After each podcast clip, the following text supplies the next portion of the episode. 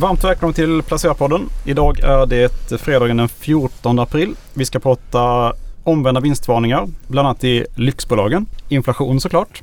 Vi ska prata 30 amerikanska aktier för 2025. Och vi är nu fyra personer i studion.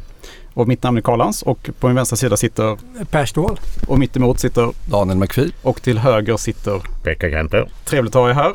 Ni ser alla vackra och fina ut. Ja, men du och jag fick ju beröm av Pekka igår. Ja. För våran podd vi gjorde. Kanske inte för innehållet i podden men för bilden att vi var så solbrända. Ja, vi har varit mycket ute i uh, det fina vädret. Ja. Men det ser du, Pekka, du har också varit ute lite grann i vädret? Jo, det gjorde mm. Det var en fin påsk. Mm. Fint väder. Härligt. Eh, det har ju kommit lite inflationssiffror på morgonen. Vad tycker du om dem? Eh, ja, I bästa fall så markerar det en vändpunkt för, att, för inflation. Att vi nu är på väg ner i nedåtgående trend i alla fall. Eh, och att inflationen kom in klart mycket lägre än analytikernas prognoser. Låg ganska nära Riksbankens egna. Eh, och ska vi tro på Riksbankens prognos framåt så, så ska inflationen fortsätta att sjunka. Däremot så måste man ju säga att den ligger skyhögt över inflationsmålet och inför den här siffran så var det väl prissatt ungefär att Riksbanken skulle höja med 50 punkter i, nu i april. Då. Och det tror jag inte har ändrats. Bland annat för att inflationen exklusive energipriser fortfarande var väldigt mycket för hög och eh, låg en bra bit över Riksbankens egen prognos. Men blir det här den sista höjningen då tror du? Jag tror det. Eh, delvis på grund av att det varit så dystra konjunktursignaler och så nu, sen kan man kanske peka på en eh, nedåtgående trend. Den stora osäkerheten tycker jag är vad ECB kommer att göra i början på maj. Och vad de säger om fortsatta räntehöjningar. Och sen får vi se hur kronan reagerar här. Eh, man har ju, Riksbanken har lagt större tyngd på, att, eh, på den svaga kronan och eh, jag kan ju intyga att det är extremt uh, dyrt att bo i, i alla fall i södra Frankrike just nu. ja, det kan jag tro. Det kan jag tro. Eh, dollarn har ju däremot eh, kronan gått ganska starkt mot. Eh, men det beror ju i huvudsak på att det är euron som drar. Och att, eh, nu ser man att Fed ska ge, göra en till räntehöjning men sen ska det vara räntesänkningar redan i höst. Så att euron har ju chans att gå starkt och dra med sig kronan. Men kan man inte göra annat för att stärka kronan än valutan. Ja, man kan att det är ju... ett viktigt styrmedel mm. såklart för valutan men det finns väl andra Ja, man kan göra verbala interventioner först och främst. Det var väl lite grann av det hållet man försökte och sen kan man ju faktiskt uh, börja köpa kronor. Tror du dagens siffror gör någonting på nivån av höjningen som kommer här nu i slutet på april? Eh, nej, det tror jag väl inte. Som sagt var, det var inprisat 50 punkter och jag tror inte det ändrats. Eh, jag tycker däremot att Riksbanken ska ta det lite lugnare. Och en paradox i sammanhanget är ju att om vi tittar på den totala inflationen så den största drivkraften eh, för bakom inflationsuppgång är ju de stigande räntorna. Både direkt, alltså vad med Spridningen som det får. Ja, mm. Eh, tittar vi på de direkta räntekostnaderna har de närmast fördubblats på ett år och bidrar med 2,8 procentenheter eller någonting. Och sen har de här indirekta effekterna att det driver andra priser. Penningpolitik är komplicerat och eh, en gång i tiden så införde man ju just målet KPIF, alltså exklusive räntor, för att inte Riksbanken skulle jaga sin egen svans. Som man kallar det. Och eh, nu är det ju lite grann åt det hållet igen, att man jagar lite grann sin egen svans. Men, eh, mm. Men å andra sidan kommer det att vända om ett år kanske? Då har vi räntesänkningar. Jag menar då kommer ju det här att slå åt andra hållet. Ja förhoppningsvis. Ja. Mm. Men eh, som sagt precis som man var inne i den förra podden så att är det någonting som inte bidrar till inflationen så är det svenska löneökningar. Inte de som är nu och inte de som kommer vara framåt. Jag tycker det är oerhört låga löneökningar i Sverige jämfört med resten. Ja, det, vi hade löneökningar på 3,2 procent i december och sen har vi de här löneavtalen då som lite, ligger lite knappt över 4% för i år och under 4 för nästa år. Det är väldigt lågt. Ja. Eh, dock har jag fått, det poängterat, fått lite kritik. För förra gången så sa jag att eh, Riksbanken borde ställa sig på knä och tacka, tacka arbetsmarknadens parter. Eh, eh, dock kan man samtidigt se det som att nu har eh, nu har vad heter det, arbets, arbetsmarknadens parter levererat Och då ska ju Riksbanken leverera i sin tur 2 inflation. Så att beroende på vilken, vilken syn man har på, på det här så kan det betyda stramare penningpolitik att löneökningarna är. Mm, det blir en liten paradox där. Ja, mm. precis. Då kan man strama åt mer. Men ränte, den här att vi börjar nå räntetoppen nu, det kan vi enas om. Yes. Även i USA? Ja, i USA är det väl allra tydligast. För jag vill höra din lilla take. Det kom PPI, eh, alltså producentprisindex igår i USA som var väldigt bättre än förväntat. Vad jag ja, förstår. Eh, ja, de var ju klart lägre än väntat. Och det är ju inte bara positivt för USA utan det är ju ett tecken på att det globala pristrycket håller på att eh, försvagas. Men eh, ja, fortfarande räknar man med ytterligare en höjning i maj. Men som sagt har det prisats in räntesänkningar redan ganska tidigt i höst. Vilket är lite konstigt ändå. Eh, men eh, ja, så räntet, amerikanska räntetoppen är här eller närmar sig. Ja, och det, man ju, och det ser man på börsen också. Ja, det ser man precis. Det var lite min, det skulle ja. bli min entré in och prata lite teknik och tillväxtaktier. Ja. Som har drivit mycket av indexen. Det har vi läst. Det finns mycket artiklar om det. Jag tittade lite i veckan nu på de stora amerikanska indexen eller de aktieindexen som är mest etablerade. Det är ganska stor spridning i avkastning i år. Eh, och eh, framförallt om man lägger till amerikanska småbolag. Amerikanskt småbolagsindex har faktiskt negativ avkastning i lokal valuta i år. Eh, och absolut bäst har ju Nasdaq 100-index gått. Som när jag skrev det var väl ungefär 19 procent var det upp i lokal valuta i år. Mycket drivet av de stora tillväxt och teknikjättarna såklart. Men det som är intressant var i Nasdaq 100 det är 75 procent av, av, eh, av de här 101 bolagen som ingår då har positiv avkastning i år. Så det är en väldigt liten svans då med negativ avkastning. Tittar man på Davion så är det bara knappt hälften av bolagen som har levererat positiv. Det är ett mycket smalare index. Alltså det är bara 30 eh, bidrag, eh, bolag som ingår i indexet då. Där hade 14 positiv avkastning och 16 har faktiskt negativ avkastning. Så det var ganska stor spridning. Och eh, Davions har ju inte gått så bra heller. Det var upp knappt 2% Bästa bolaget i Davions är ju mjukvarugiganten Salesforce. Och där, har ju, eh, där var det ju eh, lite så här, eh, vad säger man, opportunistiska fonder som har gått in då och velat förändra lite. Och man har ju börjat med stora besvaringsprogram också. Som väl säkert har lyckats dra upp aktiekursen lite grann. Ja, och det var bästa, det absolut bästa bolaget i, i, i Davions index då. Å andra sidan tittar man på Nasdaq 100 så har vi Nvidia som är bästa bolaget i både S&P 500 index och i Nasdaq 100 som har en gått upp lite drygt 80 procent i år då, som har haft en, en stor hype på AI. mycket med AI. Ja. Hur mycket tror du den här senaste bankturbulensen kan förklara det som vi ser nu med teknikrally och... Jo men det har det väl gjort. För ja, turbulensen är... per si har väl liksom ändå gjort att räntetoppen Ja men alltså det är, ju, det, är ju, det är ju ytterligare en liten paradox. Det är ju att den här säga, riktiga rusningen för Nasdaq den kom ju efter bankkrisen mm. som drog ner räntorna. Och eh, så att eh, långräntorna åkt riktigt ordentligt. Så att eh, bankkrisen som motor. För, Nej, men du har rätt Daniel, för det blev ju en stor, det blev ju den största omallokeringen på år och dag när investerarna kastade sig ur bankaktier på global basis. Mm. Eh, och eh, delar av kapitalet gick ju till eh, lite korta ränte penningmarknaden. Men sen gick det in mycket i tech. Så det blev en väldigt stor omallokering av fonderna sålde banker, köpte tech. Mm. Och delar av kassan då in i penning. Mm. Och nu, nu känns ju inte bankkrisen någonting egentligen eh, sådär på marknaden. Utan på något sätt så har man ju Tycker man det? Har man lyckats kväsa det helt och hållet då? Eller nej, kan det komma nej, igen? Det, IMF kom ju med en prognos nu i veckan och de poängterar ju just det att det är fortfarande en stor risk i mm. banksektorn. Mm. Men att just nu märks det ingenting av den. Men eh, säg att det smäller till en ytterligare bank så, ja, så kanske vi får lite surare klimat igen då. Men eh, som sagt, det, det har ju hanterats väl. Framförallt hanterats snabbt så att eh, det är väl sommarkväst. Eller mm. för tillfället sommarkväst.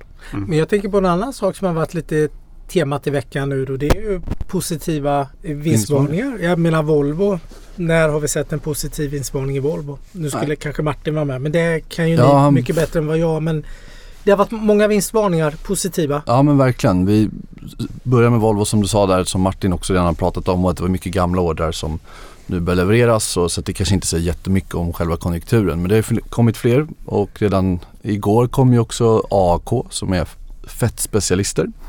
Eh, och det som är intressant där tycker jag att de har ju faktiskt inte några ökade volymer utan volymerna går faktiskt ner. Men ändå så förbättrar de resultatet med tror jag ungefär 40% mot förra kvartalet. Alltså förra Q, blir det ettan.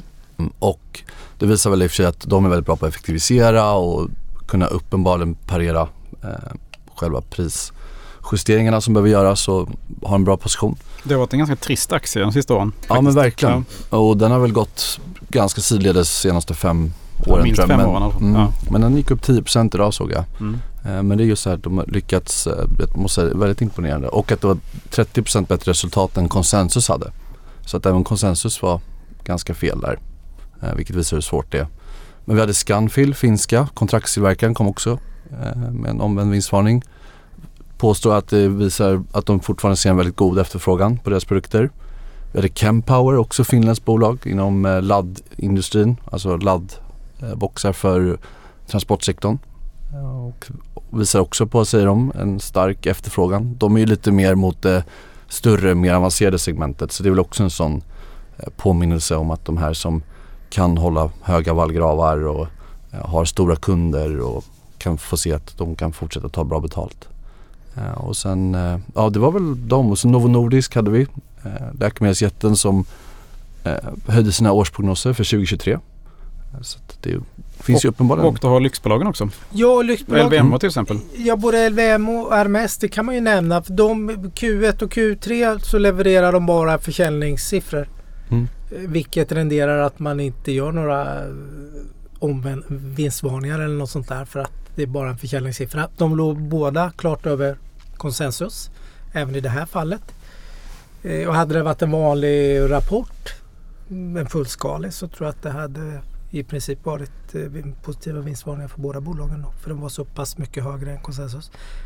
Eh, också jätteintressant, lyft hela sektorn. Jag tänkte även, du, du pratar Scanfil och hela, det, det har ju lyft väldigt mycket. Eh, många bolag, även Volvo såg jag, då gick ju he, hela sektorn i Europa upp. Eh, Daimler Trucks och alla ja. ja. Traton och så. Mm. Traton var ju upp lika mycket som Volvo om jag inte minns fel den dagen mm. och så vidare. Och även här i Sverige har vi sett bolag som Hansa och sånt där som har gått väldigt bra på, på, så det har ju fått stora spridningseffekter, de här vinstvarningarna. Ja, det verkar ju som att eh, leveranskedjorna börjar på riktigt funka bra nu vilket får en, en bra effekt för bolagen. De kan leverera och allting går mycket snabbare eh, och lagren kan börja säljas ut.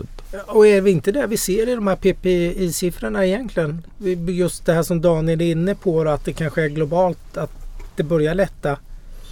Jo, eh, jo, jo, men det har vi sett ett tag i, mm. om man tittar på mm. inköpschefsindex. Och nu börjar det märkas på riktigt, även i hårda siffror, att eh, prisuppgångarna dämpas och till och med på många, i många fall sjunkande priser. Så att eh, absolut eh, Absolut, lyckas man bara hålla uppe sina, vinst, sina marginaler så, mm. alltså, eller sina slutpriser så, så kan man ju se fram emot ganska bra vinstutveckling. Ja, nu hade man väl förväntat sig någonstans kanske att det skulle komma lite så här, vinstvarningar istället. Riktiga, det vill säga inte positiva. Men det är väl just det här att priserna kommer ner, råvarupriserna så inköpspriserna kommer ner. Eh, och så funkar logistikkedjorna, fraktpriserna har väl kommit ner dramatiskt. Energipriserna kommer ner och sen så är det en del gamla ordrar som man kan leverera på nu som där man också lyckats höja priserna. Så att. Och sen skruvar man lite ja. på produktmix och effektiviserar. Så kan det bli en vinstvarning. Och säkert lite valuta då mm. eh, om man pratar om de svenska bolagen. Det kom, kom ju en liten, eh, om vi får, får, lägga in något negativt här, så kom det ju att Buffett har ju sålt eh, TSMC liksom. Eh, och det verkar ändå ha sålt av geopolitiska orsaker framförallt.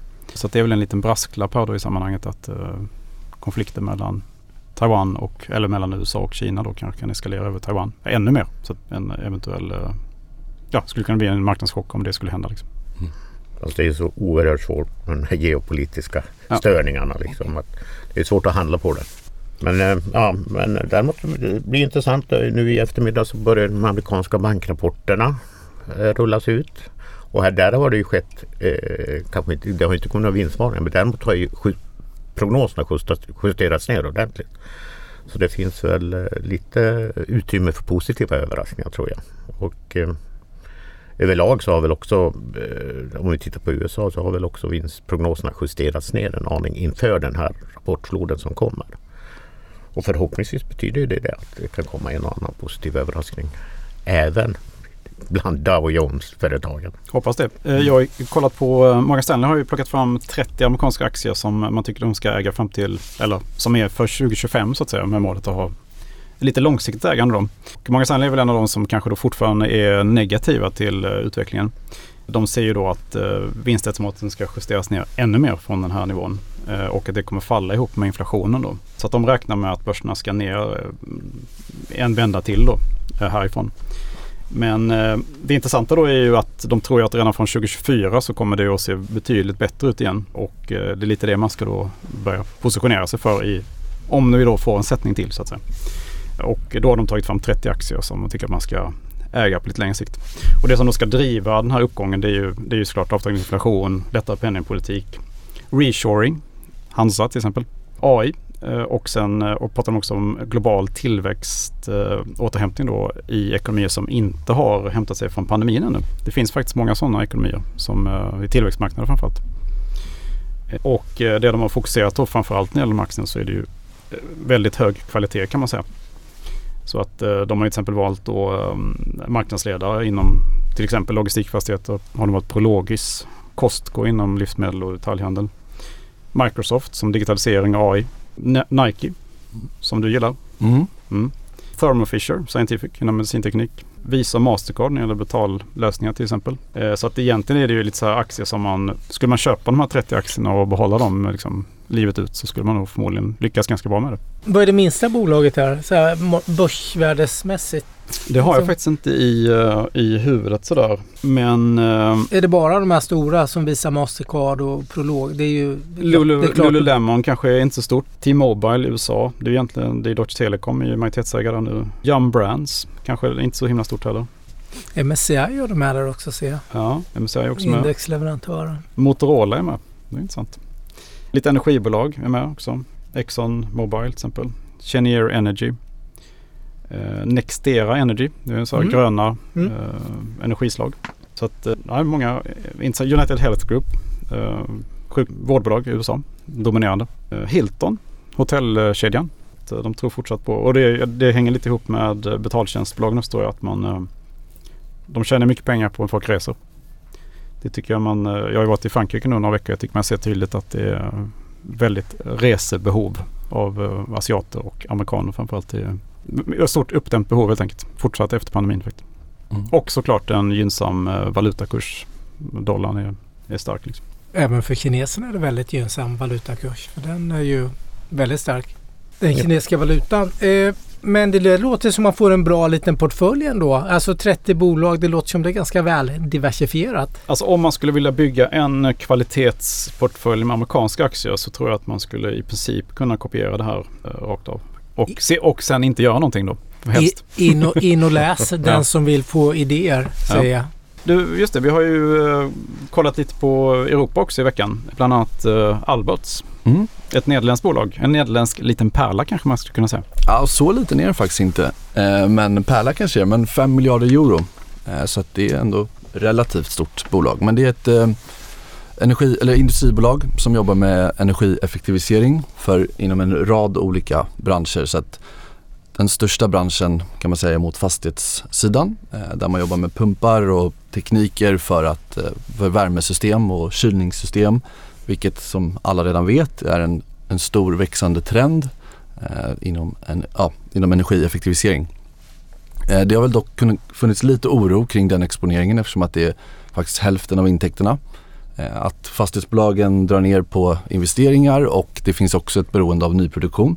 Vilket alla vet också att det är en stor eh, bromskloss så att säga, i, i, ekonomin just nu. Och de har ju en stor exponering mot Europa. Nästan 70% av intäkterna kommer från Europa. Så det man ska säga däremot det är ju att 30% av intäkterna när det gäller fastighetssidan eh, kommer från nyproduktion medan 70% det vill säga majoriteten av intäkterna kommer från reparationer. Det vill säga att man underhåll och uppdatering av de systemen som redan finns. Och, ja. Mm. och det är också väldigt regulatoriskt styrt så att det finns ju en, en lång trend i det. Eh, men de har ju nu uppdaterat sin strategi som sträcker sig till 2026 där de ska förbättra marginalerna och framförallt fokusera på fyra eh, slutmarknader. Så att det är transport, fastigheter och halvledarindustrin faktiskt som är en liten del av deras eh, försäljning idag. Det är ungefär 10% men den växer väldigt snabbt. Så det är väldigt intressant. Ett holländskt adelsmärke får man väl säga och leverera maskiner och dylikt för att producera halvledare. Ja, ja. Nej, men det är väldigt spännande. Eh, och de eh, är ju lönsamma då. Eh, de växer ju inte intäkterna väldigt fort så men de, jag tror att de har en lång tid framför sig med eh, vinsttillväxt även om den kanske inte är super liksom, explosiv så. Det är också ett typiskt ESG-case men värderingen är eh, ganska låg. Det handlas runt P14 för innevarande år. Ja, men, vi sa det, hade det varit ett svenskt noterat på Stockholmsbörsen hade det säkert varit mer gynnsamt. Här har vi jag ska ju inte säga en uppsjö. Vi har ju en drös av småbolagsfonder som du inte hittar någon annanstans. Så stor fondkategori liksom av eh, småbolagsfonder som finns här. För det här är typ ett småbolagsbolag. Det är fem, medelstort i alla fall. Ja, ja. men lite medelstort. Mm. Det hade hamnat i de här, den här typen av fonder. Hade ja. det gjort. Så det hade säkert varit en högre värdering faktiskt tror jag om det hade varit eh, noterat på Stockholmsbörsen. Det tror jag absolut och jag menar nu kommer det här aldrig att noteras på Stockholmsbörsen så att man ska ju inte förvänta sig sådana uppjusteringar. Men det finns ju möjlighet till just den här långa trenden av vinsttillväxt även om den inte är så explosiv. Eh, och när man har de här typen av värderingar så finns det ju lite begränsade nedsidor i alla fall. Men det finns lite så här uh, orosmoln också hörde jag. För att uh, jag hörde att vd, den mångåriga vdn Wim Pelsma ska sluta nu. Ja det stämmer faktiskt. Han uh, har ju varit i bolaget i 25 år men vd sedan 2009. Uh, men han är på väg bort uh, men ska jobba fram till slutet av 2023 sedan. Och ordförande kan man säga är Peter van Bommel tror jag heter. Åh, så tungt. Från gamla CFO på ASM. så att um, jag vet inte, det, det, är klart att det finns någon form av oro eller osäkerhet kanske kring den frågan men det är också en sån sak som jag inte lägger för mycket vikt i när det är sånt här typ av stort bolag. Man får nog förutsätta att de hittar någon bra kandidat eller gör sitt bästa för det. Det är svårt att räkna på. Mm. Ja, intressant. Mm. Ja, har vi gjort någonting i veckan då? Eller i senaste tiden? Nej. Vecka, hur går det med Lufthansa liksom? Ja, nu har de gått ner lite. Dessbättre så sålde jag hälften av innehavet på toppen där. Så att, eh, ja, men, eh, men jag eh, ligger kvar där. De ska gynnas av det här resandet vi pratar om. Men jag såg att de nu ska de nyanställa 4500 personer här så fort som möjligt. Så att, och det, och jag, det har varit väldigt massa inställda flyg och sånt där på grund av personalbrist faktiskt. Så att det verkar vara högtryck fortfarande. Det ska bli intressant att se rapporten. Här om de kan komma med en omvänd vinstvarning ännu en gång. Ännu en gång ja. Det skulle vara fjärde gången i så fall. Mm. Sen, sen, är jag ju otroligt spänd på den här rapportperioden som ska komma. Liksom. Mm. Vad de säger om framtiden och uh, hur man lyckas mm. leverera på vinstsidan. Uh, jag kan säga det att IMFs prognos som kom nu i veckan den var inte särskilt upplyftande att läsa.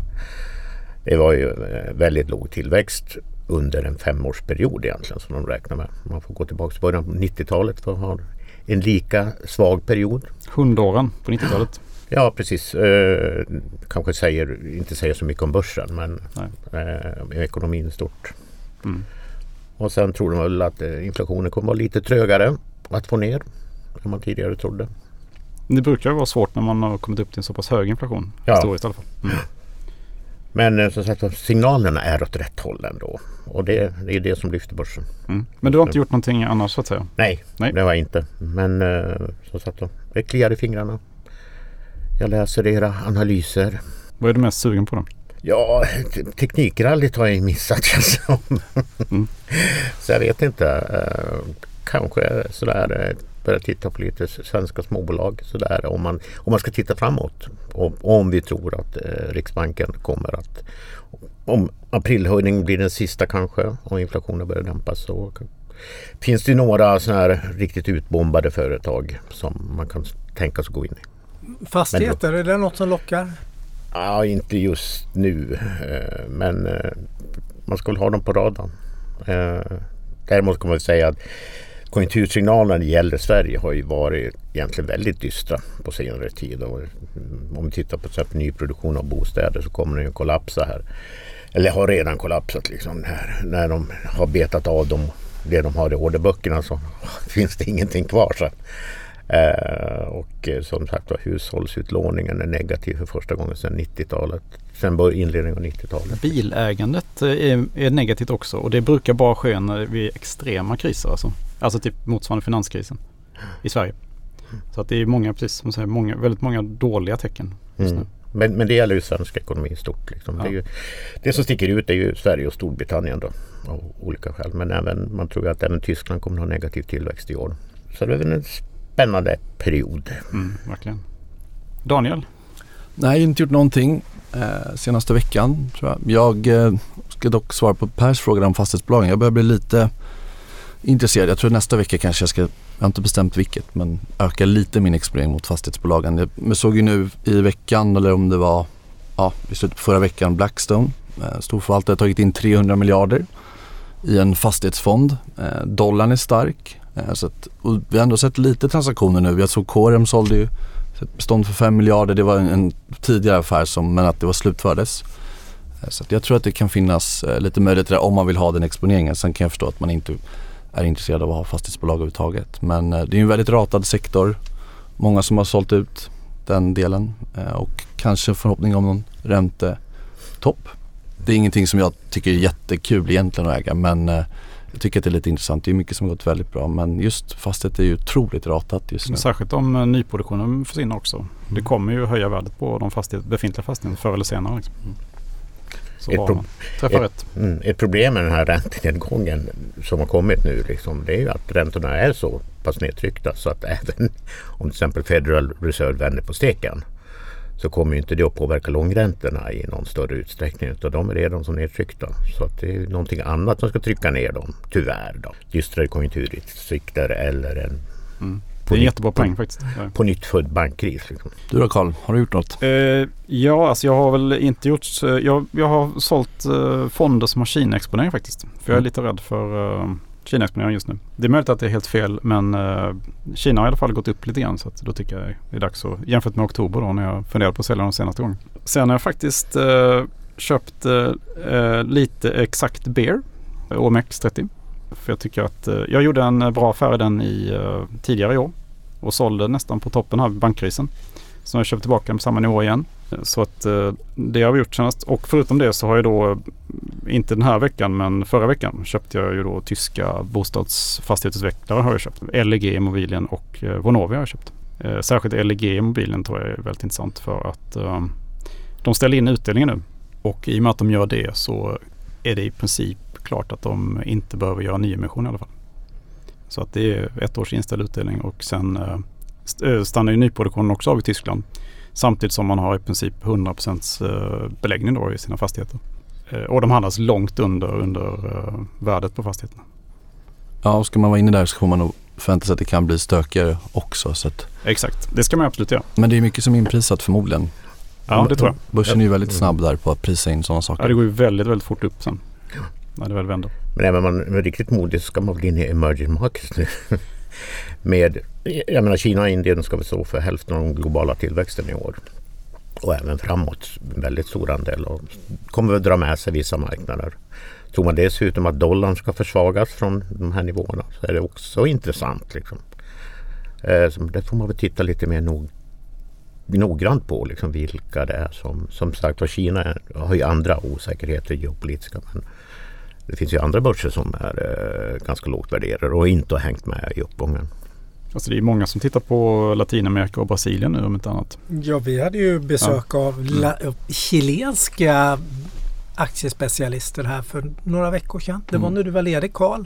Hade vi förnämligt besök här av två chilenare som experter på Latinamerika. Som bara, det, det är ju många långsiktiga trender. Hela energiomställningen mm. gynnar ju dem. Och, har du gjort något Per? Nej, jag har ju inte gjort något men jag funderar ju mycket. Vi, har ju haft, vi hade ju en diskussion idag tidigt, du och jag Daniel, om lyxbolagen när vi mm. såg Hermes släppte sina siffror idag. Börjar det bli för dyrt eller?